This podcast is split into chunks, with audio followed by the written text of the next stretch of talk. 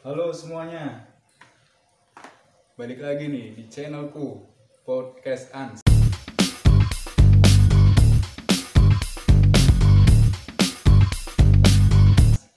Ya, kali ini eh, aku nggak sendirian ya, aku berdua sama adik kelasku dulu di seminari. Jadi kami bakalan bahas seputaran masa lalu waktu kami berada di seminari masalah cinta masalah ribut dengan pastor dan masalah kegiatan-kegiatan yang ada di seminari dulu langsung aja Roga Wih, halo.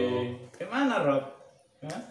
Sehat. sehat Baik, luar biasa. Wih, gimana apa kegiatan sekarang Ah, begitulah. Seperti kelihatannya. lanjut kuliah kan Lanjut kuliah. di mana kuliah Saya kebetulan kuliah di Jogja sekarang. ya. oh di Ah, Jogja Di Jogja. sekarang sudah nempuh semester berapa Semester 6, Enam. sudah selesai saya jalani. Ya. Oh ya, berarti lan- mau lanjut semester 7 ya? Iya, benar, benar. Iya, iya.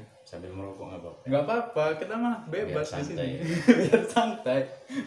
Suaranya agak dikencengin aja. Iya, biar santai. Oh. Oke.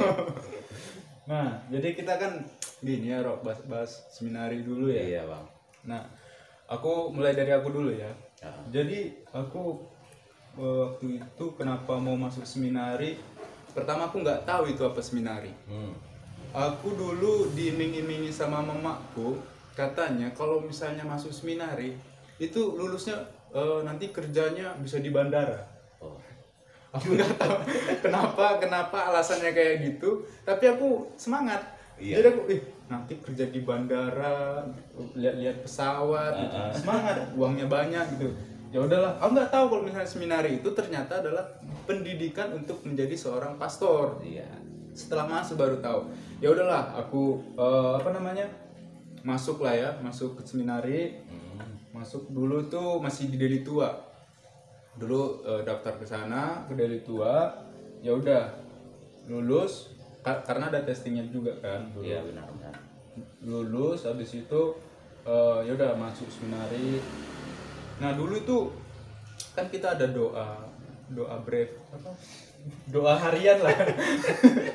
Brevis atau apa ya? Lupa ya. Pokoknya ada doa harian itu. Jadi doa itu kalau misalnya di orang kita muslim itu kayak ngaji gitu. Nah kalau di kita tuh namanya doa harian. Jadi tiap tiap pagi jam 6 sama tiap sore jam 6 juga. Nah terus kalau kau Rok, motivasi masuk seminari itu apa?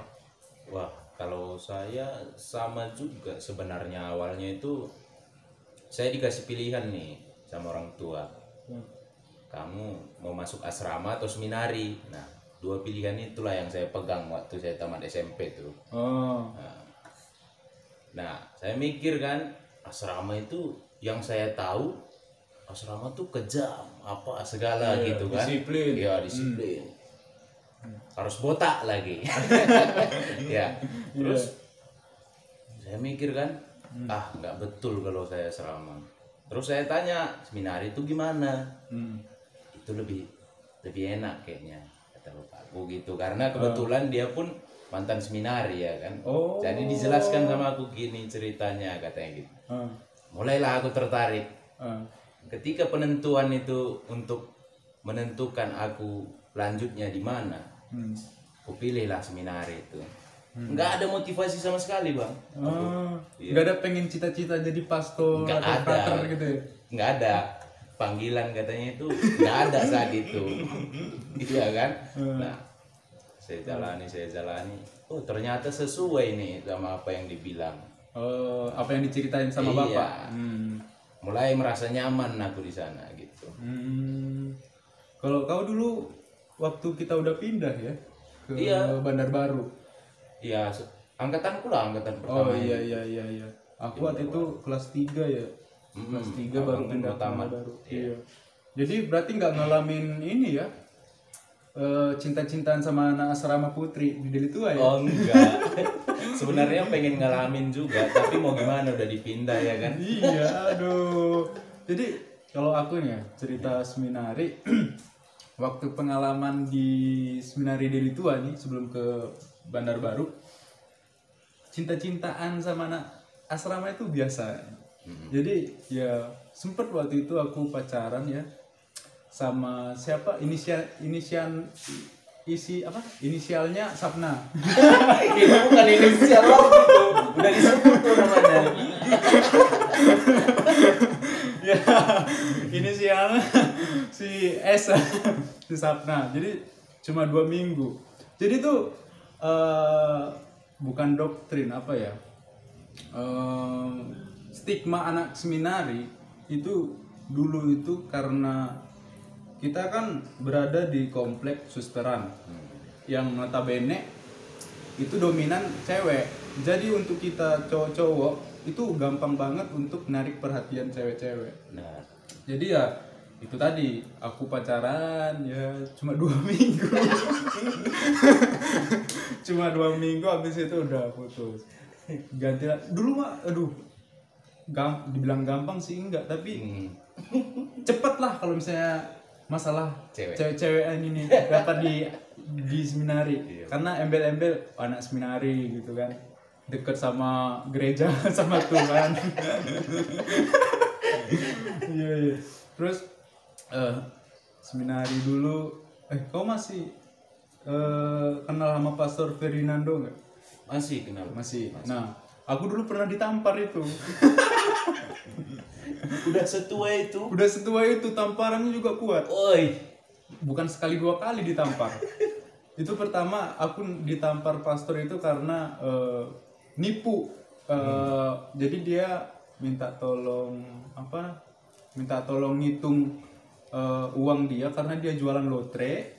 Jadi dia suruh anak-anak seminari untuk ngitung uang. Ngitung uang ngitung uang. Ya 2000 diselip 5000 diselip 20 diselip. Terus pas udah kami hitung kami kasih lah ke pastor kan. Nah, kami kasih. Terus dia curiga loh kok segini dapatnya? Padahal untuk modal lotrenya aja lebih gitu Iya. ini nggak betul ini. Ya udah dicari kami. Anak seminari anak seminari apa pastor? Kalian penipu semua. Dasar anak iblis kalian semua. Pergi kalian dari sini semua. Dikejar kami. Dikejar. Udah aku sama kawanku namanya Rahmat itu nah. sembunyi di kamar mandi. Sembunyi. Dia cek eh, dulu kan seminari itu di dan itu kan eh, kamar mandinya kan eh, di luar terus berjajar gitu kan ada 10 atau 12 kamar mandi dulu. Nah kami yang paling paling ujung. Dari ujung ke ujung pastor ini bukain pintu kamar mandi satu-satu. Bukainnya pintu satu. Pada akhirnya dia buka pintu kamar mandi yang tempat aku berondok bunyi. Pas bukanya nah dasar anak iblis tampar si kawanku ini eh, apa kebut apa eh, langsung dia lari kabur. Nah. kalau aku karena udah ngedown kan udah aduh mampus ini pikirku. Udah nggak tahu lagi apa apa ini. Udahlah nggak tampar. Ya gitulah. Kalau ngomong seminari di Bandar Baru eh awal-awal tuh kau ke di, di apa di seminari ngerasa kaget gak? yang di Kar- baru. Yang di Bandar Baru karena kita bangun pagi, terus eh, kerja, doa segala macem kaget nggak awal-awal? Ya pasti dong bang yang di mana kan se- sebelum saya masuk ke seminari itu kan apa namanya nggak kayak gitu amat tuh hidup saya itu Iya iya. tertata tersusun rapi gitu Hmm. bangun jam sekian yang di mana kita nggak boleh malas-malasan tuh Iya iya. iya. kalau di rumah kan masih bisa oh bentar lagi kan kalau di seminari yang yang paling saya ingat itu kesannya kalau bangun tuh bangun pagi Heeh. Pasti itu siapa yang nggak bangun pasti disiram itu Sama sama, pastor itu ya? iya pastor Yan kalau sekarang Oh iya. dulu iya. masih frater dia Iya bang dulu masih Ah, frater iya iya. masih frater dia Pastor, iya. kalau udah buka pintu itu dia kan kami kamarnya tuh beda satu kamar doang tuh sama kamarnya dia Kita kan sekamar. oh iya benar. Ketika dia dar buka buka pintu tuh dengan kencang-kencangnya supaya anak seminari itu semua dengar tuh. Biar langsung pada bangun kan. Ada nih yang belum bangun. Aku pernah bang ber- ber- ber- beberapa kali tuh disiram sama dia itu karena nggak bangun dibuka pintu buat Iya. yang lain udah pada loncat pada turun adalah yang pura-pura doa langsung duduk gitu. Adalah yang langsung turun pegang nyari-nyari sapu apa segala. Aku masih tidur tiduran gitu. Langsung disiram tuh dia bawa gayung. Hmm. kalau enggak bawa aqua. Nah, langsung di muka kita gini. Ser gitu. Ay. Iya, iya. Tapi sayangnya angkatan kalian ini ya, kalian tuh nggak gabung sama seminari umum, eh seminari umum, eh, SMA umumnya. Jadi eh, ya batang-batang aja ya. Dalam satu kelas itu iya ba- ngeliat batang terus. Kalau angkatanku kan ya angkatanku ke atas dulu itu masih ini masih, Masih gabung. gabung. Jadi masih enak lah dulu mah main-main sana bolos sekolah. Jadi karena tergolong bebas angkatanku dulu di Deli Tua, Mm-mm.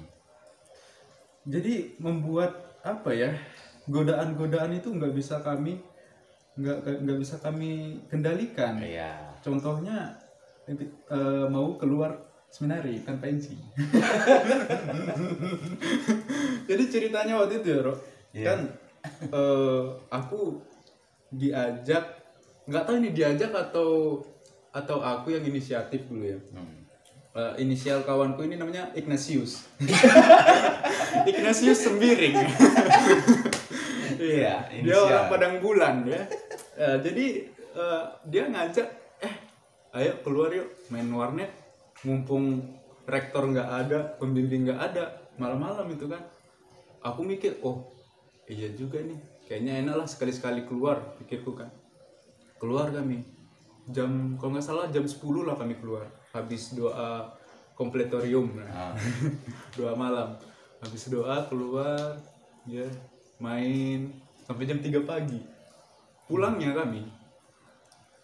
Curiga kok eh, pagar pagar apa? Pagar komplek nggak ditutup. Biasanya di atas jam 10 udah ditutup kan.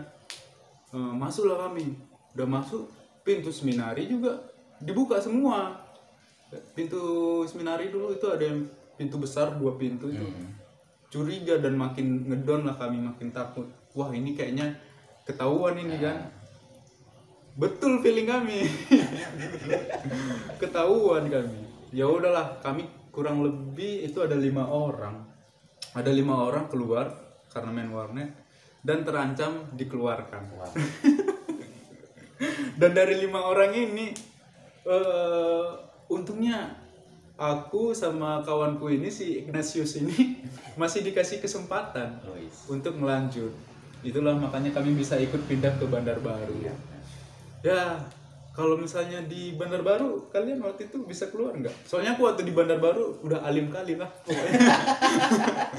soalnya enggak Bandar Baru kan eh, untuk tempat hiburannya nggak sebanyak di Deli Tua iya kan? benar Hmm, kalau kalian gimana? Sering keluar juga gak waktu itu? Keluar malam nih. Keluar malam tanpa Oh, izin. Itu sering bang. Sering. Kalau kalau kami waktu itu hampir tiap malam tuh. Jam-jam. Iya kami juga sama tuh. Selesai kompletorium Hmm. bentar kan nengok-nengok situasi jalan dulu. Hmm. nah baru keluar lompat pagar langsung. Kami turun tuh dari pagar pagar sekolah bukan dari pagar ini pastoran? Bukan kalau dari pagar pastoran itu bakal ketahuan. Oh. Karena ada tuh pastor yang masih di ruang rekreasi atas tuh. Oh iya oh iya Ah. kelihatan ya. kelihatan ke bawah kalau kita keluar dari pagar utama itu. Oh. Hmm, makanya turun kami dari samping itu Hmm. di bawah gereja itu nah turun kami ke bawah ke pagar sekolah. Kebetulan kan ada tembok tuh jadi ketutup kita lewat gini ketutup oh iya betul betul Ah. Heeh. lewat ke sana lah baru turun ke bawah nyebrangnya di bawah nggak Oh, berani iya. nyebrang Oh, di gitu Iya. caranya. makanya ketahuan aku pernah sekali pertama keluar tuh Heeh. yang ngajak tuh inisialnya Bang Roy Roy Bang Nokta Bang Dokter iya terus dia ngajak iya diajaknya kan keluar ayo keluar warnet gitu Hmm, hmm. ayolah sekali-sekali pikirku Hmm. itu pertama kali tuh itu semester satu kalian iya masih kelas kelas satu kayaknya hmm. abang masih ada kayaknya Iya, Mak. tapi aku nggak tahu. Eh, aku nggak tahu kami- keluar. keluar tuh pertama kali tuh akulah yang jadi kelinci percobaannya bang aku yang ketahuan ketangkap Oh. basah itu orang itu jadi kan pulangnya nih pulang jam subuh nih Hmm. Pulanglah kami ke biar biara kan Hmm. kebetulan pastor Marcel yang kebetulan pastor paroki waktu itu Iya, iya, iya. nah, dia belum tidur Hmm. nah Malam itu posisinya kan? iya malam jam-jam 3 gitu Hmm. Bang Roy, Wiro, Bang Wiro, terus Bang Nokta, Hmm. udah duluan jalan ke depan kan. Hmm. Aku di belakang sendirian. Hmm. Kau di belakang biar kami nanti duluan yang ketahuan katanya gitu sama aku. Percayalah aku kan. Oke oh, lah. berarti itu kok cuma kelas satu sendiri dong? Iya, aku sendiri. Hmm. Oke oke aku bilang kan. Hmm. Duluan lah mereka. Hmm. Yang buat ketahuan itu Bang Roy, Bang Roy ini. Kenapa? Dia larinya kenceng kali, Bang.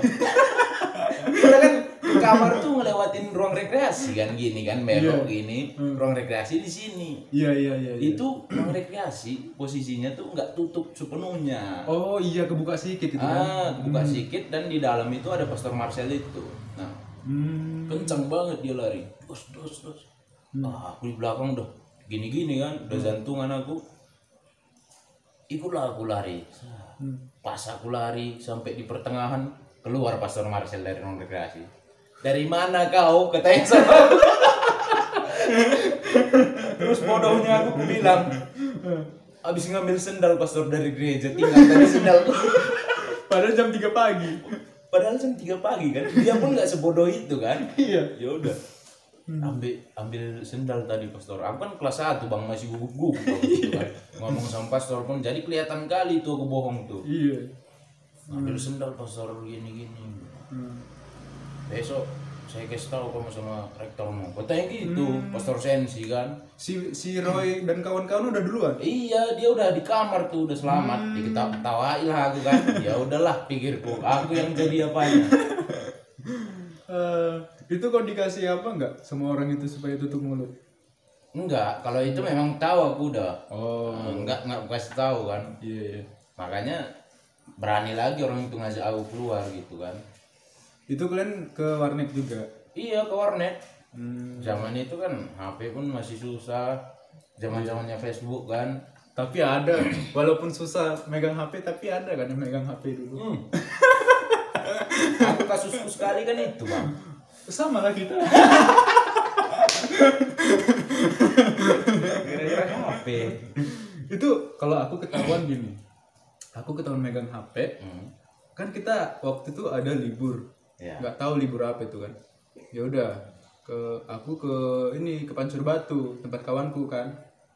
Nah pas mau naik Supra Hmm. aku kan mau tarung naik di atas. Iya. jatuh HP ku.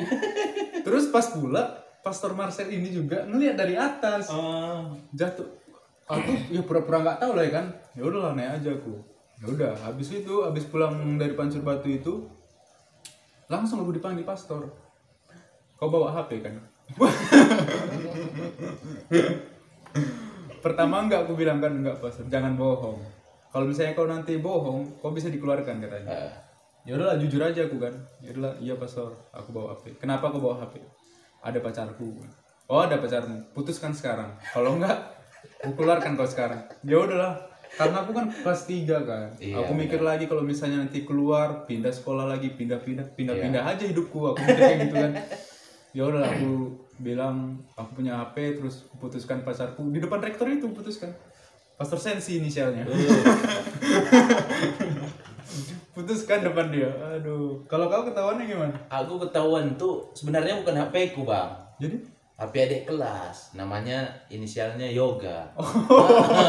Yoga ini. HP-nya dia aku pakai buat ngechat cewekku waktu itu. Hmm, Hmm, jadi aku tuh hampir eh bukan hampir deh setiap malam aku tuh main HP chattingan teleponan gitu sama dia. Kebetulan kan setelah aku kelas 2 hmm. oh ini posisinya udah kelas 2 iya abang udah nggak di situ oh kan. iya aku udah tamat ya. Hmm. hmm. aku tidurnya di pojok tuh dekat jendela. Ya di kamar yang kedua. Oh yang ke yang tengah tuh? yang luas Heeh. oh iya iya. Aku di pojok jadi ngomongnya leluasa kan. Hmm. tiap malam aku teleponan tiap malam. Nggak tahu kenapa pagi-pagi sekolah lah kami kan Hmm. tiba-tiba si pastor sensi ini razia dia di atas kami dalam posisi itu sarapan pagi tuh Dan kau posisinya lagi nelpon. bukan Oh, dia kami baru nyimpan HP itu paling setelah makan baru nyimpan Oh, HP nah iya, gitu iya, dia iya. Ini posisinya kalian lagi makan, dia Oh, razia. lagi lagi makan dia razia Oh. otak atik di atas Hmm. Kan handphone belum disusun tuh. Masih bawah kasur kan. Iya. ya udahlah. Ketahuan. Ditahannya dulu. Ah. ke atas kami sama si Yoga ini nyari nyari apa mana ini? Terus ditanyanya sama aku mana HP kita bang? Gimana aku tahu aku bilang kan. Hmm. aku taruh dari situ nggak ada lagi. Kami lihat kan pakaian kami udah berantakan semua. Oh razia tadi pastor ini udah bahaya aku bilang kan. Ah. Malamnya dipanggil lah kami naik ke kamar. Hmm. dipanggil si yoga karena kan itu HP-nya dia kan. Oh. Iya. terus?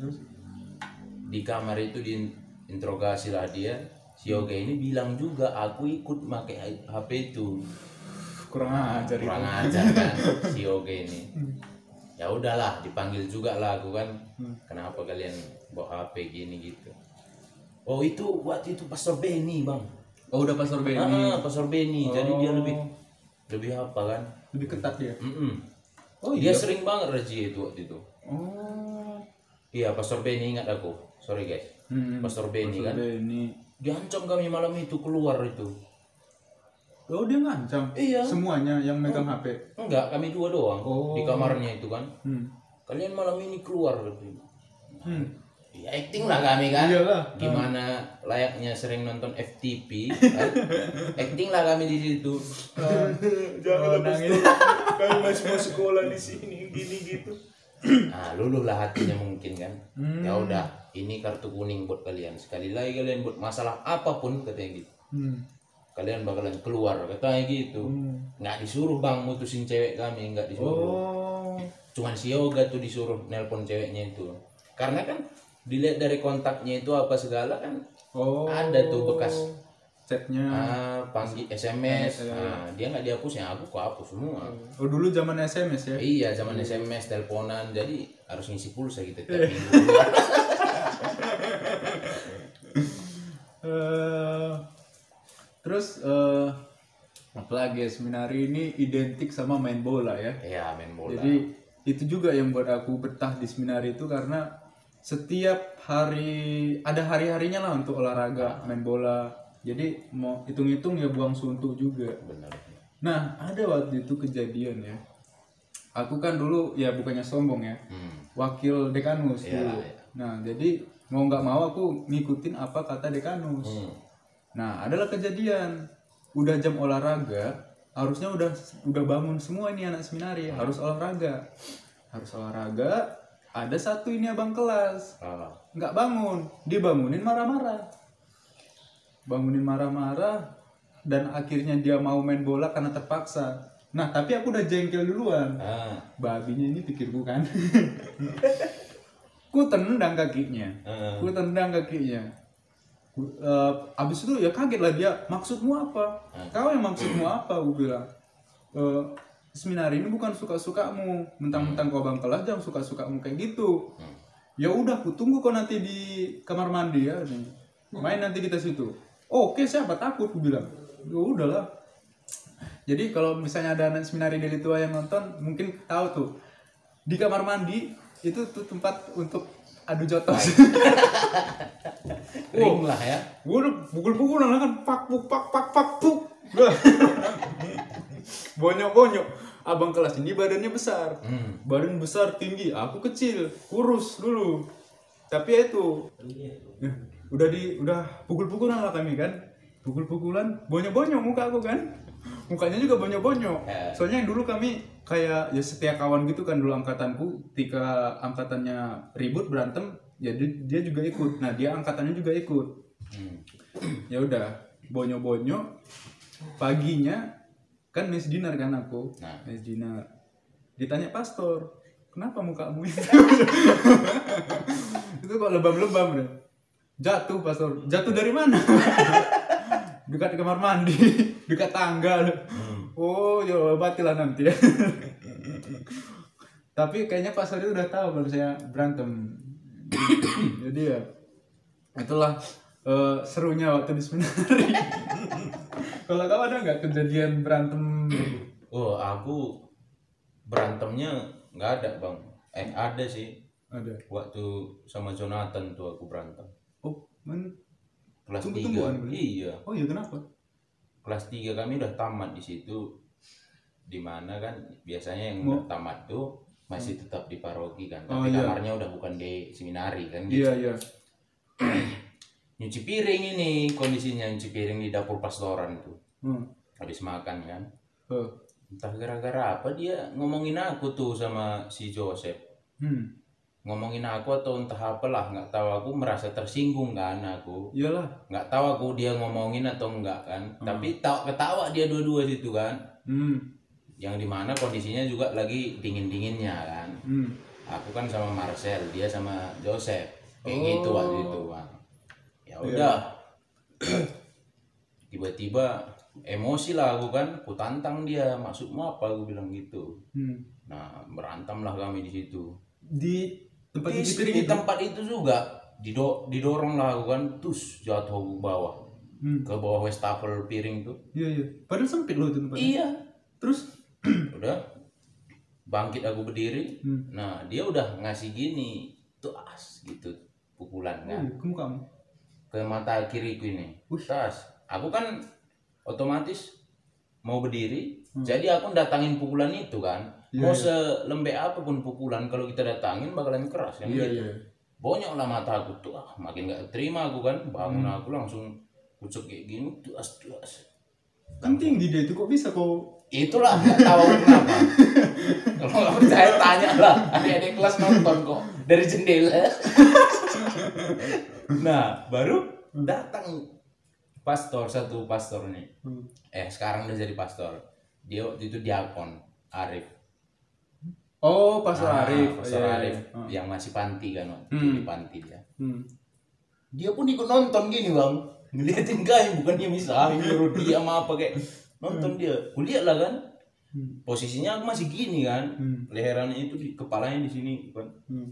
kulihat wah pastor udah berhenti aku otomatis berhenti aku udah kelar Nggak ada omongan apa-apa lagi. nggak ada itu itu doang aku berantem di seminari kalau panas sama anak asrama tuh panas aku Gara-gara. masalah olahraga Oh.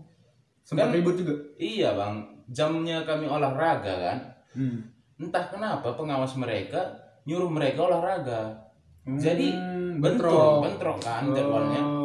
Duluan mereka ke lapangan Hmm. udah main nih kondisinya anak serama udah main Hmm. anak serama kan banyak kan Iya. Hmm. kami jumlah kami cuma berapa Hmm. 20-an Eh. nah main bola mereka aku kan posisi kuat itu di situ dekanus bang Oh. ah jadi mau nggak mau aku harus angkat bicara kan di situ Hmm. aku bilang sama ketuanya langsung ketua serama itu kebetulan dia pun lagi main Hmm. masih bagus aku ngomong pal Hmm. ini jadwal kami main aku bilang gitu Hmm. kami mau main ini aku bilang Hmm. nggak didengarkan aku ngomong Cuek dia. kayak dikacangi gitu bang Oh. masih lanjut mereka woi baru apa aku kan emosi kan woi Hmm. kalau nggak senang mau main kita aku bilang gitu sama si Ketua asrama. ketua asrama itu Hmm. langsung kan berhenti permainan langsung ke kami semua gitu Hmm. sini kau bilang gitu apa aku bilang? Baru diam dia nggak berani dia kan. Hmm. udah langsung pergi orang itu. Kami lah main. Hmm. mulai dari situ perang dingin itu asrama seminari. Gara-gara aku. Ya, tapi bagus juga lah kan udah jadwal kita. iya makanya kan. Aku juga nggak bakal berani bang kalau misalnya aku dalam kondisi salah itu Hmm. itu kan aku nggak salah apa-apa di situ kan aku menuntut hakku di situ kan Iya, iya, iya. mewakili teman-temanku adik-adik kelasku kan gitu waktu itu kondisi Tapi ngomong-ngomong ya, Rok, kenapa kau bisa bertahan selama tiga tahun di asrama Eh, Bandar Baru? Ah ya, asrama seminari Seminari, Bandar ya. Baru. Kalau aku kan waktu dari tua kan karena main bola juga kan eh, lapangan lapangan kita sendiri. Iya. Jadi kalau mau main ya jadwalnya udah teratur. Kalau kayak di Bandar Baru kan lapangannya juga batu Iya. sempit ya kan? Mm. Eh, jadi apa ya, kalau eh, apa yang buat kau tetap bertahan selama tiga tahun sampai lulus? Apa ya aku juga sebenarnya nggak tahu bang. Cuman prinsipku waktu itu hmm. jalani aja. Oh. Itu prinsipku. Masalah panggilan dan bukan panggilan itu ku belakangkan Hmm. karena yang kupikirkan di situ aku harus selesai seminar ini iya iya iya iya iya. satu ketika aku kelas 2 nanti aku keluar hmm. aku nggak dapat ijazah kan iya ya udah aku lanjutkan kelas 3 hmm. karena masalah ijazah itu juga seandainya mungkin nggak ada masalah ijazah atau apa udah cepat aku kayaknya keluar Hmm. gitu ya iya Iya.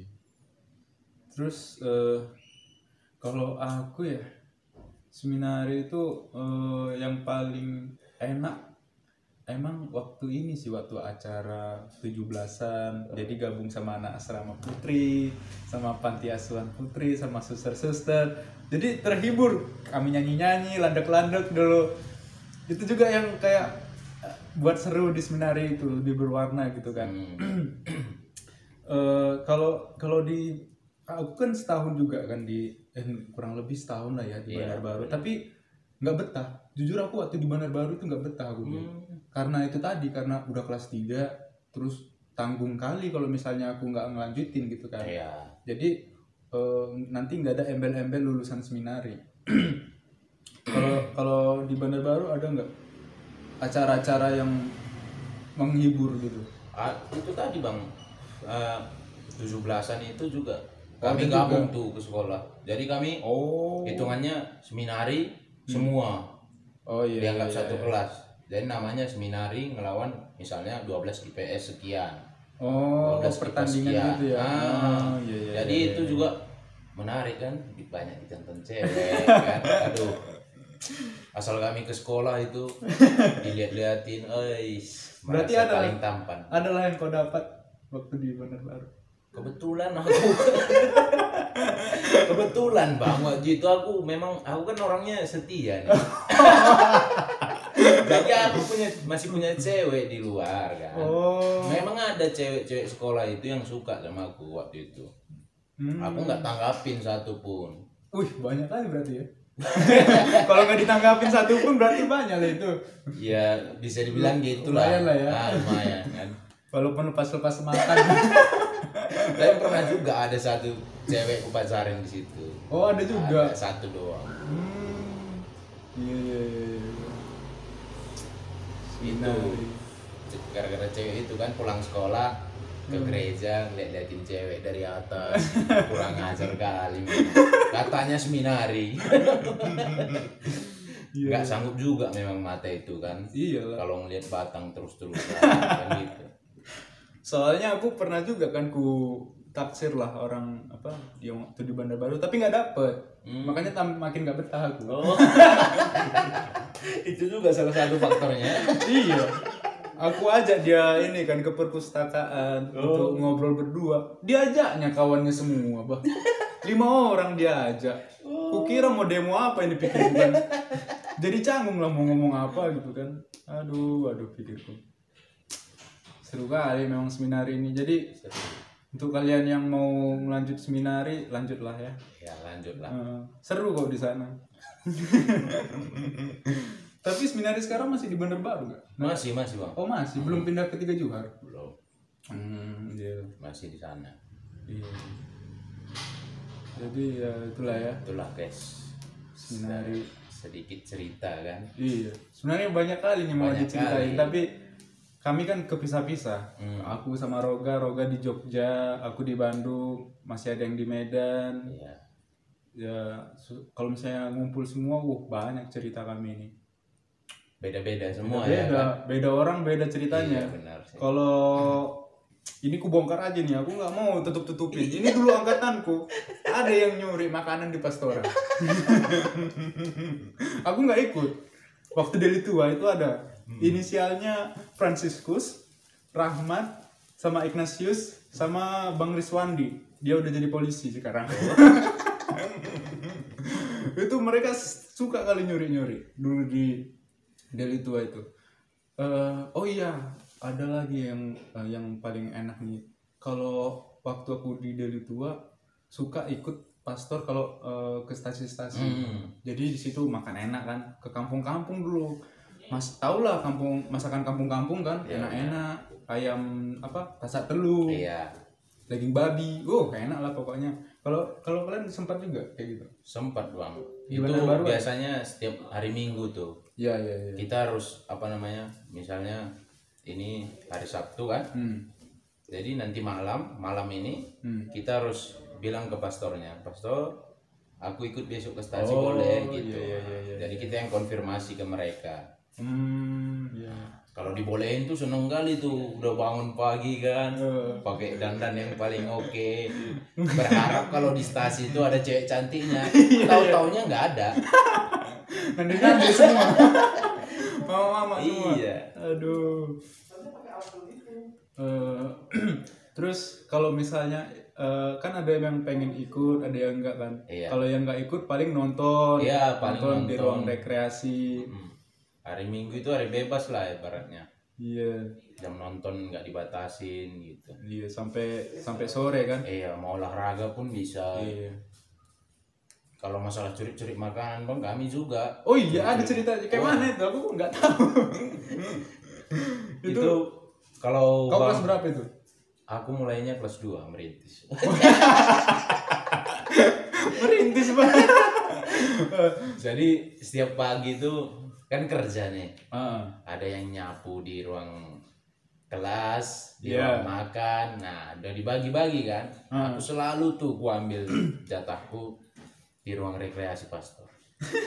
Kalau nggak ruang rekreasi pastor, ruang makan pastor. Hmm. Supaya apa? Yang pertama yang gue incar itu makanannya. Buat stok. Iya kan? Kopi-kopinya ada nggak? Kopi ada juga diambil gitu. Jadi malam tuh ngopi. Nah, serasa jadi pastor udah sebenarnya, tapi belum. Pasar muda. Kalau aku udah kelas 3, Hmm. waktu udah kelas 3, Hmm. nah yang kelas 2 lah yang ngambil sama aku. Kau yang nyuruh. iya, namanya i- inisialnya Inisialnya? Selamat. Selamat. itu Dia itu suruhin ngambil. itu anggota gua itu Hmm. kalau masalah makanan Hmm. jadi kan dia udah tahu tuh pagi-pagi tugasnya apa Oh. bahkan sebelum kami bang- jam bangun pagi pun Hmm. dia udah pergi kadang-kadang bang itu juga yang kusayangkan ini ngeri juga kalau kayak gini kupikir kan Hmm. belum jam bangun pagi belum apa-apa udah pergi dia Udah ngambil ya? Iya, aku bangun-bangun udah dibilangnya bang itu ya di lemari abang. Lihat kan, oh mantap. Kadang ditaruhnya di tempat tidurku ini bangga katanya. Aku kan masih tidur nih, kadang tersadar aku kan masih sadar-sadar gimana gitu. Aku dengar tuh dia ngomong, ini bangga ya, udah aku ambil jatah kamu. Katanya gitu. Wah, memang enak kali kalau udah kelas 3 di seminar ini enak. kan? Udah berasa pastor di situ ya? iya. Kalau aku kok enggak ya? Oh, abang enggak? Enggak, enggak Bandar Baru enggak? Enggak ngerasa kayak gitu. Aduh, aduh. Makanya angkatanku juga. Kalau kalian kelas 3, kalau aku dari kelas 1 kan 10 orang, kelas 2 5 orang, kelas 3 3 orang. Kalau kalian dari kelas 1 ke kelas kelas 3 satu sembilan atau delapan ya delapan Hmm. kelas satu delapan kelas dua masih delapan di semester satu di semester Oh. duanya tinggal tujuh Oh iya, iya. kelas tiga tinggal lima orang kan tinggal 5.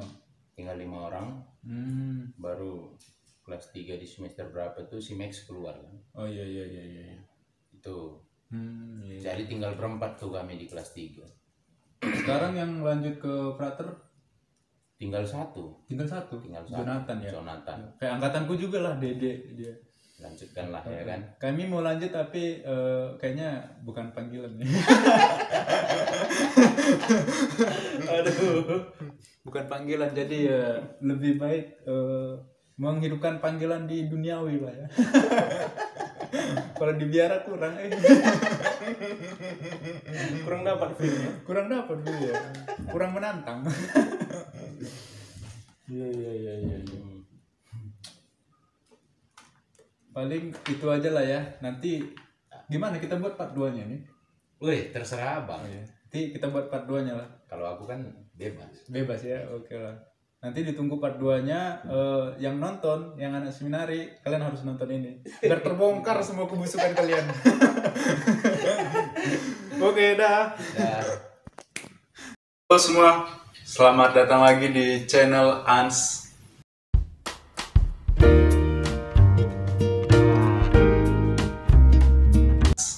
Yang bakalan ganti nama lagi, nggak tahu kapan. Tapi pasti kalian tahu eh, channel gua bakalan bahas tentang bisnis yang nggak jauh-jauh juga dari eh, usaha dan pengusaha. Nah, seperti eh, episode-episode sebelumnya juga, gua wawancarai pengusaha-pengusaha muda dan sekarang gua juga wawancarai pengusaha. Bang Rahman, Halo. apa kabar Bang? Ya luar biasa. Luar biasa. Baik.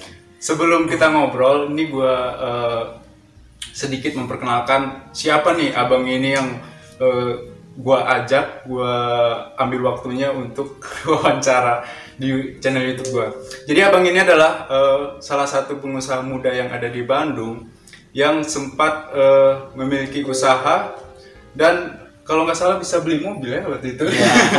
Bisa beli mobil. Nah untuk kalian yang saat ini bingung mau mulai usaha gimana gitu ya kita bisa ambil pelajaran dari sini. Oke langsung aja nih. Eh, abang dari Medan? Oh iya. Ya, saya Bang. dari Medan. abang ini dari Medan? Bisa diceritain nggak bang kenapa eh, bisa berpikir ke Bandung gitu untuk melanjutkan karir Hmm, Oke. Aku cerita sedikit ya pengalaman gimana sih eh, aku bisa sampai ke Bandung gitu ya. Oke, eh, kebetulan aku lulus eh, tahun 2012 ya. Eh 2011 sorry. 2011. Nah, lalu eh, karena pada saat itu keadaan di ya saya sebenarnya anak desa ya. Saya Sama kita. Ya. nah, eh, karena keadaan pada saat itu menuntut harus mandiri ya. Nah, lalu eh, aku mikir nih, eh, kenapa ya eh, kok orang-orang pada berani gitu ya siap untuk eh, pergi berpisah dari orang tua, kenapa aku enggak gitu. Nah, terus aku ya udah deh beraniin coba. Nah, awalnya ragu gitu ya, tapi eh, setelah aku jalanin, nah ternyata sampai di Bandung itu ya awalnya masih ngeraba-raba ya. Eh, kita masuk ke zona baru, terus ya, eh, saya apa Suasana. suasana gitu ya, terus kayak lingkungan gitu. Yang di mana eh, ini sangat kontras gitu ya. Eh. Eh, kalau di Sumatera ya kebetulan saya dari Sumatera gitu. Hmm. Eh, ketika sampai di Bandung itu kok eh, mulai dari gaya bahasa, cara penyampaian itu berbeda gitu. Nah, lalu eh, setelah itu awalnya aku di Bandung nggak langsung usaha ya. Eh, Tahun pertama di Bandung itu kerja. Nah, kerja sempat kerja di salah satu perusahaan eh, supplier spare part kereta, kereta api ya. Uh, Eh, nah, di situ lebih kurang eh, dua tahun. Ya dua tahun aku kerja. Oh sempat dua tahun kerja? Iya sempat dua Hmm, tahun kerja. Nah, terus eh, dua tahun kerja. Nah kepikiran untuk usaha itu sebenarnya dari sana gitu ya. Jadi kayak ngelihat eh, prospek oh ternyata jadi supplier itu gampang gitu awalnya gitu ya Oh. jadi sebelum eh, bisnis kuliner nah aku pernah nyoba beberapa bisnis sebenarnya Oh iya iya iya.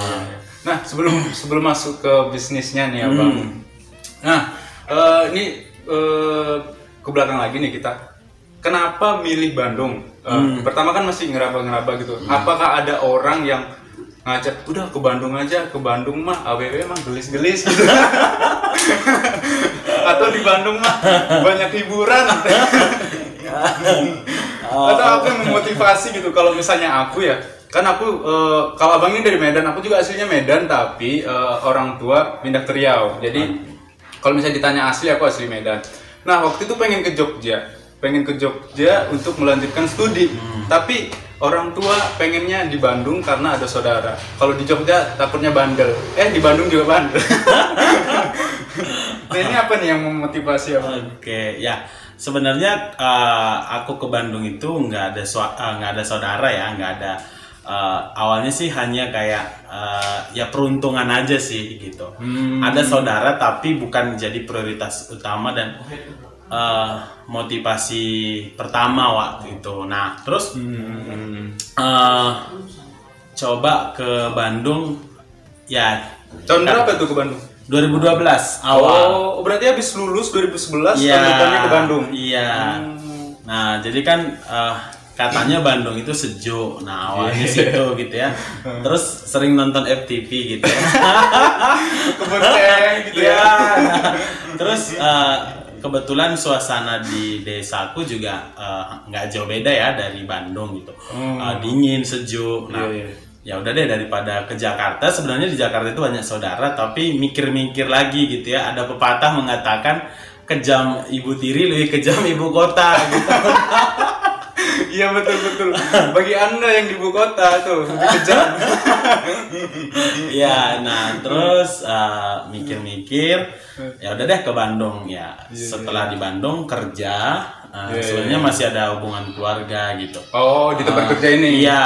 Oh, iya iya iya. iya. Terus aku kerja di sana, eh, ya itu Iya iya iya. mulai iya, iya. mulai eh, kebentuk mindset untuk eh, usaha, itu ya di sana gitu. Setelah Oh. dua tahun kerja, oh kayaknya usaha menarik. Gitu. Oh jadi abis kerja udah terus berpikir eh kayaknya kerja agak kayaknya usaha ini lebih menarik. Hmm. Berarti di situ ngambil keputusan untuk mengundurkan diri dari tempat kerja lalu terjun ke usaha atau gimana? Ya, jadi awalnya itu eh, karena gini, eh, untuk memulai usaha sebenarnya aku nggak sendiri. Nah awalnya eh, aku kerja sama Oh. eh, dengan eh, Om gitu ya. Nah Oh. di situ kita mulai buka kafe waktu itu, Eh, tapi ya itu gagal gitu ya, gagal karena emang kita nggak punya basic. Eh, Maksudnya basic usaha kuliner karena si Om ini basic usahanya eh, sebagai kontraktor, supplier gitu. Nah terus aku juga belum terlalu paham waktu itu. Kalau boleh tahu itu waktu kerja sama sama Om itu modalnya berapa itu? Untuk buka ka- eh, kafe itu. Lebih kurang 200 juta. waktu 200 itu. juta Iya. udah sama tempat, Iya, bahan-bahan segala betul. macam. Oh gitu. Habis itu eh, gagal. Gagal. Berhenti atau memikirkan yang lain untuk lanjutin usaha atau kerja lagi? Nah, waktu itu kan kebetulan eh, situasi bisnisnya Om ini juga lagi down ya. Nah, waktu itu eh, kantor juga udah eh, kacau ya, terancam tutup. Terus eh, bisnis ini nggak bisa mendukung, akhirnya udah tutup. Tutup. Ya, tutup total. eh, lebih kurang enam bulan aku nganggur. 6 bulan nganggur. Iya, nggak ada kegiatan. Nggak usaha, nggak nggak, ada, nggak ada usaha, nggak ada kegiatan. Nah, jadi dua tahun kerja, oke, setahun eh, lebih, setahun empat bulan eh, usaha gagal. Jadi lebih kurang eh, empat tahun di Bandung nggak pernah pulang. Nah, selama enam bulan itu aku mikir memanfaatkan waktu luang. Nah, ini apa sih yang bisa uh, aku lakukan gitu ya? Nah, waktu itu eh, Tokopedia belum sampai sekarang ya. Iya iya iya. Ah, terus eh, Bukalapak eh, kalau nggak salah baru ada Bukalapak ya waktu itu. Nah, eh, terus kayak eh, online shop gitu belum banyak. Belum banyak. Ah, Iya iya iya. Nah, lalu aku coba peruntungan jualan online. Jualan online. Iya. Jual apa tuh? Jual batik. Baju. Baju batik aku ambil barang dari Pekalongan. Nah, Itu cowok cewek baju. iya. Hmm, iya, iya. Nah, terus tiga bulan awalnya jadi reseller. Nah, waktu itu reseller itu banyak duit, lumayan, nggak kayak sekarang ya. Iya, sekarang kita udah dikalahkan sama ya Oh, e-commerce. gitu-gitulah. e-commerce ah, yang sekarang ya punya nama, punya brand gitu. Nah, Iya. Seter- terus setelah itu eh, aku coba nih untuk cari eh, cari apa ya waktu itu eh, apa ya istilahnya Eh, cari konsumen dalam Hmm. jumlah yang besar. Nah, aku coba eh, Carinya pasarin- itu gimana? Nah, pasarin sosmed waktu itu eh, kita masih menggunakan apa ya, ajas kepercayaan sih sebenarnya. Berarti phone by phone. Iya, dan, gitu. dan itu eh, zaman-zamannya masih pakai BB. Oh. Iya. Masih pin pin pin Iya, gitu. masih pakai BlackBerry. BlackBerry. Ah, dan dan belum eh, menggunakan ya Android dulu kayaknya belum booming deh. Iya iya. Berarti itu sekitar tahun 2004 2014 2015. Ya, 2015-an lah, 2015 awal 2016. Iya iya. Ah, waktu aku lagi nganggur-nganggur. Nah, Hmm, eh, berani-beraniin eh, terus dapat produsen yang baik dari Pekalongan, Hmm. terus dapat konsumen yang baik. Nah, waktu itu eh, ketemu nih sama salah satu toko di Tanah Abang, Jakarta. Hmm. Nah, ketemu ya pakai ajas kepercayaan dia sampai pesen baju itu sampai eh, ratusan pieces.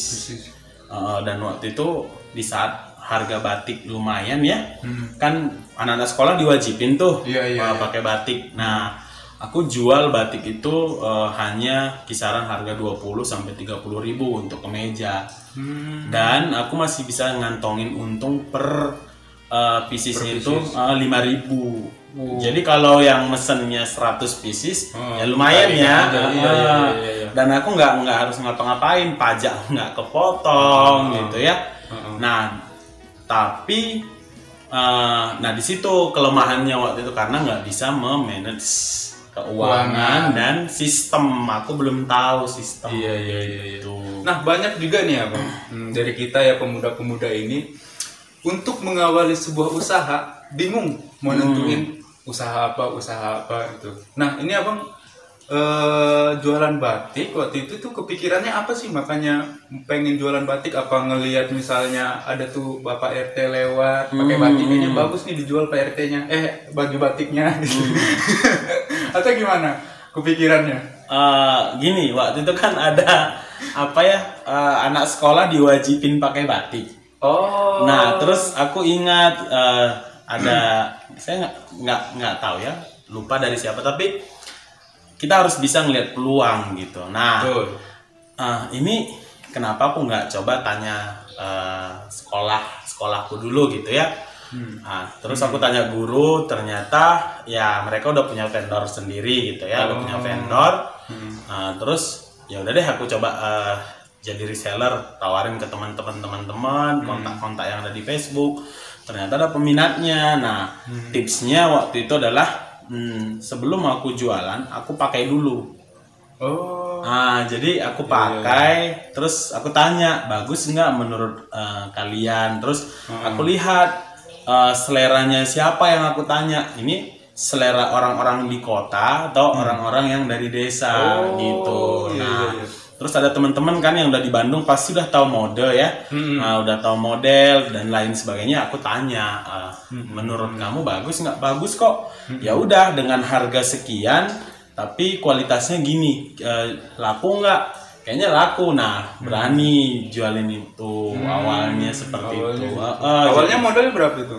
aku nggak pakai modal jadi cuman mesen mesen satu untuk aku pakai nah terus ya udah aku tawarin Posting gitu ke iya orang-orang. posting nah mereka pesen mereka kirim aku pesen Oh. ke ini Berarti misalnya nih aku eh, pakai baju posting terus misalnya ada yang mau silahkan order misalnya gitu ya. Dia Eh, bayar dulu nggak ke kita baru Nah, kita minta. Sebenarnya sebenarnya kalau aku surveinya itu ke teman, Mm-hmm. tapi untuk eh, katalognya mereka udah sediain itu yang aku eh, sebar waktu itu sih. Oh. Wih, Gitu. hebat, eh. Eh, eh, Iya, jadi iya, pure nggak pakai modal. Nah dari situ eh, waktu zaman zamannya Android udah booming, nah aku ingat ya udah deh eh, beli beli Samsung waktu itu ya Samsung HP? Eh, ah, ah, beli sa- eh, Galaxy eh, Samsung Galaxy untuk coba-coba nambah ini gitu ya.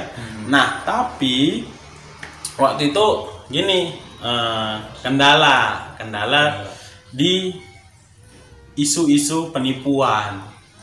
Eh, seputar reseller batik ini. Penipuannya. seputar online shop waktu Oh, itu. Nah, oh, iya, iya, akhirnya drop kan. Oh, nah, ah, itu ah, ah. aku mulai mulai galau. Ini eh, mikirin usaha apa lagi? Iya, iya, Eh, iya, iya. Sampai kepikiran tuh coba buat eh, pisang kipas. Hmm, oh berarti yang eh, apa? Yang batik tadi itu gara-gara isu-isu penipuan ini penjualan sama sekali nggak ada. Iya. Oh nggak ada. sama sama, sama sekali udah uh, drop. Uh, pokoknya ya udah deh. Nah, nah di situ aku mikir ini aku harus ngapain lagi gitu ya. Sementara kalau mau kerja waktu itu belum belum ini ya, belum punya pengalaman lah Oh, istilahnya. iya, iya, iya, nah, akhirnya nah, tadi kan bisa beli mobil itu waktu uh, usaha di pisang kipas Oh, sebenarnya. Dari batik ke kipas, Iya. oh, pisang kipas. Ah. Itu spare waktunya, space waktunya berapa bulan ke apa transmisi ke pisang kipas dari batik tadi? Nah, sebenarnya waktu aku masih jualan online pun uh, aku udah mulai. Nah, awalnya sama kayak survei ya.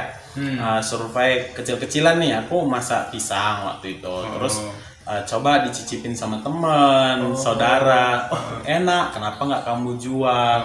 Nah, terus uh, awalnya masih ada yang kurang ini dan itu, lalu cari referensi di YouTube juga ya. Banyak sekali ya referensi untuk uh, buat ini itu gitu. Akhirnya uh, aku bervariasi lah ya, memvariasikan itu semua uh, sampai benar-benar aku punya resep sendiri untuk pisang kipas. Nah, Itu belajar otodidak untuk otodidak.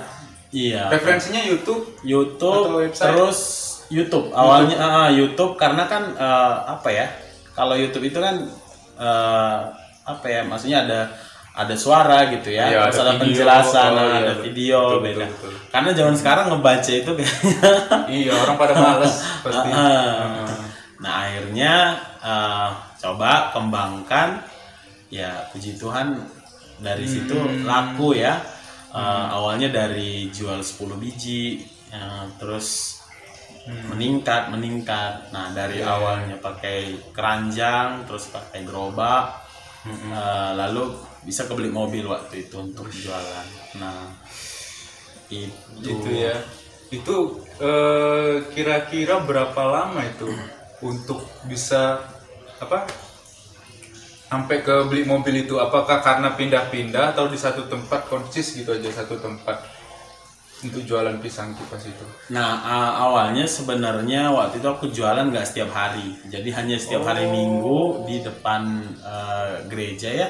Hmm. Ah, nah dari situ sebenarnya omsetnya lumayan ya, sampai Dari gereja itu aja. iya keuntungan dua kali lipat. Nah dari situ kayak beraniin eh, beli mobil untuk jualan setiap hari, Hmm. gitu. Oh berarti dari gereja dulu nih Iya, jualan, dari- habis itu beli mobil Mm-mm. di satu tempat. Iya. Nah, itu sampai ya eh, sering sih orang-orang luar kota mesen. Iya iya iya. Eh, Oh iya. Dulu tuh saya pernah juga nih singgah bukan pernah sih sering lebih tepatnya sering singgah di tempat abang ini itu ada di Jalan Paster menuju Tol Paster depan kuburan Pandu. Tapi sekarang itu ditutup karena ya tau lah ya pemerintah kita ya Iya. nggak pengen lihat rakyatnya senang gitu jadinya satpol pp gitu nggak dulunya tuh rame di pinggir jalan itu banyak orang jualan tapi ya karena itu itu berapa tahun itu bang untuk jualan kipas itu Eh, kalau di gereja lebih kurang setahun. Nah, terus eh, di di jalan lebih kurang dua tahun. Dua tahun. Dua tahun. hmm, iya Jadi total aku di Bandung itu sekarang hampir 9 tahun. iya ya dari 2012 Iya. sekarang 2020 iyalah hampir 9 tahun Hmm.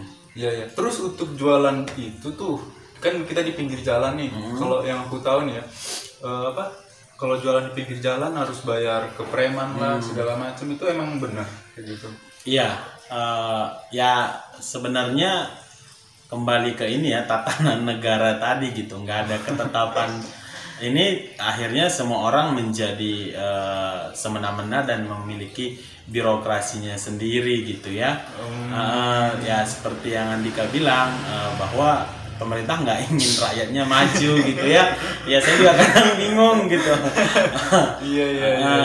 Nah, Benar-benar. ya sampai uh, ada satu kisah gitu ya ada satu kisah di mana aku itu sampai berantem sama petugas. Satpol PP. Ya nah waktu itu karena mereka minta uang terus uh, aku protes gini. Uh, yang jualan di situ bukan hanya aku banyak orang. Tapi kenapa sih hanya aku yang diminta Ah, gitu? Iya, iya. nah terus dia uh, coba galak ya. Eh, apa aura orang Medan orang Medan gitu ya keluar gitu ya. Terus Maksudmu ya, apa gitu? ya maksudmu apa? Nah akhirnya aku ngomong gini ya udah silahkan. Kalau berani hancurin gitu ya. Iya. aku rekam aku eh, sebar gitu. Nah sekarang ya gampang. Iya. dan ya waktu itu mereka eh, ciut gitu ya. Nggak berani. Nah oh ini orang kok cuman eh, apa ngancam doang gitu ya. Nah akhirnya pada saat aku rekam mereka juga langsung kayak ketakutan. Takut. langsung buang muka gitu ya karena ya prinsipnya tadi mereka mau minta uang mau minta jatah sebenarnya Iya, iya, iya. gitu. Ya jadi untuk kalian juga ya yang anak eh, satpol pp bilangin ke bapaknya. gitu. Kalau misalnya mau gusur orang di pinggir jalan itu ya harus berdasarkan eh, peraturan yang jelas gitu. iya Jangan langsung gusur-gusur aja. Karena itu kita harus eh, berdasarkan pada sila yang kelima itu keadilan sosial bagi seluruh rakyat Betul. Indonesia. nah terus eh, ya ini juga eh, apa ya kita bilang sangat miris ya bang karena Hmm. saya juga pengalaman ya di DU di Pati Ukur kalau kalian tahu itu itu banyak sekali tuh yang digusur juga Eh, baru-baru ini sih tapi sekarang udah mulai ini lagi karena itu tadi pusat pol pp melarang padahal eh, alasannya nggak jelas segala macam itu ya nah eh, untuk abang sendiri nih sekarang masih jualan itu nggak bisa nggak Hmm, nah, nah eh, sekarang ini enggak ya karena aku berhenti tuh emang sih awal-awal tahun kemarin. hmm. Pertama emang udah nggak bisa dipertahankan lagi gitu ya. iya iya. Eh, tapi tetap jiwa eh, bisnisnya Usaha. itu ada gitu ya. Oh, Yang hmm. kita lebih, lebih baik jadi seorang Pengusaha. wirausaha gitu ya, Hmm. pengusaha gitu. Nah, gimana Iya, iya. ceritanya pun. Nah, tapi memang karena pada saat itu eh ya udah aku mau off dulu gitu ya mikirin mau eh, usaha apa lagi tapi keburu pada saat itu memang harus tuntutan ini ya tuntutan ekonomi Iya, iya, iya. karena eh, aku harus ngebiayain hidupku sendiri Eh, pada saat aku memilih untuk off eh, kebutuhan hidup terus berjalan berjalan, seperti itu nah Iya. akhirnya eh, modal habis aku udah nggak bisa balikin gitu ya Hmm. Eh, ya udah deh aku eh, stop dulu Hmm. nah kebetulan setahun aku usaha aku memi- eh, memutuskan untuk lanjut pendidikan Oh, Ya. S1. iya lanjut pendidikan karena ya sehebat apa pun bisnis kita tetap ya kita harus punya Pendidikan. pendidikan juga Iya, gitu betul, betul, betul. Ah, nah Iya, iya, iya. akhirnya setelah itu eh, aku stop lalu aku coba eh, ya cari kerjaan sih sebenarnya Hmm. gitu Dan puji Tuhan udah puji dapat- Tuhan sekarang udah kerja Hmm. nah nah, dan sekarang juga dipercaya sebenarnya ngurus satu sistem usaha yang yang yang jualan sih sebenarnya gitu Iya, ya iya, yang jualan eh, ya udah gitu. Iya, Eh, iya, karena iya, basic basic usahanya ada ya aku jalanin Hmm. gitu. Jadi kerjanya sih lebih fleksibel. Iya. Eh, kita nggak dituntut ini itu tapi bagaimana kita mempromosikan produk kita. Nah kalau sekarang kan lagi booming zoom ya. Hmm. Sekarang iya, iya, ya Boleh mungkin dipromosikan Oh, juga. Oke untuk anda semua yang eh, mungkin lagi bingung ya mau buat eh, video conference, kalau pesen eh, kalau misalnya bayar zoom gitu ya per bulan mahal, nah silahkan hubungi Andika nanti. Per jamnya cuma 15.000 ribu ya, Iya. 15.000 ribu. Ya anda semua eh, sudah bisa menggunakan zoom Iya, iya. tanpa batas waktu seperti itu. Iya soalnya kan eh, kita juga tahu ya kalau misalnya zoom yang gratis itu 40 menit kepotong, 40 menit kepotong. Jadi kalau misalnya mau lebih panjang durasinya bisa hubungin saya. Iya. Kita akan kasih rate yang terendah lah untuk Iya. kalian semua. Baik nih bang, eh, dari dari pengalaman yang aku dengar tadi ya pengalaman abang itu ketika usaha ya usaha eh, otodidak ya kita cari referensi sendiri terus sampai kerja. Dan ketika kerja juga nggak terlalu apa namanya nggak terlalu ngeblank. Terus eh, kita bisa nge- ngerjain kerjaan kita sekarang karena berdasarkan pengalaman yang udah kita kerjakan. Berarti ada baiknya juga ya. Kita itu eh, usaha dulu karena ke depannya kita nggak tahu bakal kepake apa yang ilmu yang kita dapat sendiri itu nah eh, terakhir nih bang abang mau kasih pesan apa nih untuk anak pemuda yang supaya bisa berusaha bisa jadi pengusaha supaya nggak kena dampak omnibus law. Iya. Eh, kalau aku sih pesannya gini, karena kita sama-sama anak muda ya. Iya.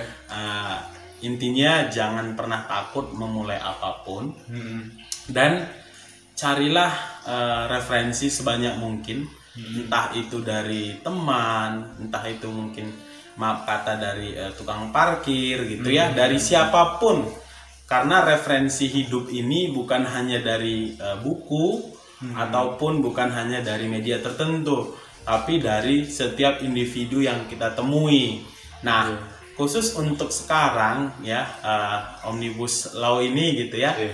eh, ya kita tetap positif lah ya. Iya, iya. Dampaknya sangat berpengaruh terhadap kita yang kerja. Nah, jadi tanamkan di dalam mindset kita bahwa kita nggak bisa jadi pekerja selamanya, tapi kita juga harus bisa mempekerjakan orang lain. Nah, bagaimana caranya dari hal-hal yang kecil?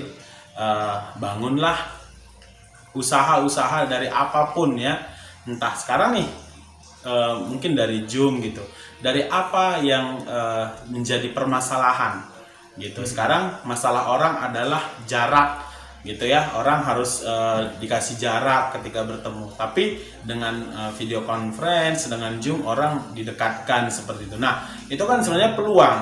Dan di situ juga sebenarnya aku belajar. Dan aku belajar bagaimana cara untuk eh, memanage ke depannya kalau aku punya usaha itu gimana gitu nah Bob Sadino ketika dia menjadi seorang pengusaha dia nggak mulai dari nol ya Eh, artinya dia nggak benar-benar pure orang yang tidak bekerja. Dia memulai pekerjaan untuk mencari referensi, mencari pengalaman, mencari pengetahuan. Nah, Jack Ma juga sama gitu ya. Dia udah kerja sana sini. Jadi tanamkan dalam diri kita adalah mindset bahwa suatu hari saya harus bisa memiliki usaha setidaknya seperti tempat saya kerja sekarang gitu. Iya, Itu iya, yang iya. harus kita pikirkan. Siap, eh, makasih banyak ya Bang Rahman untuk waktunya ya. Karena untuk membuang waktu Iya. men-sharekan pengalamannya. Tapi ya untuk kalian yang mendengar, yang menonton, ambil positifnya, tanamkan dalam diri kalian supaya kita bisa sama-sama berusaha. Oke, sekali lagi terima kasih banyak Bang Rahman. Lain kali kita buat podcast yang baru. Oke, Thank you.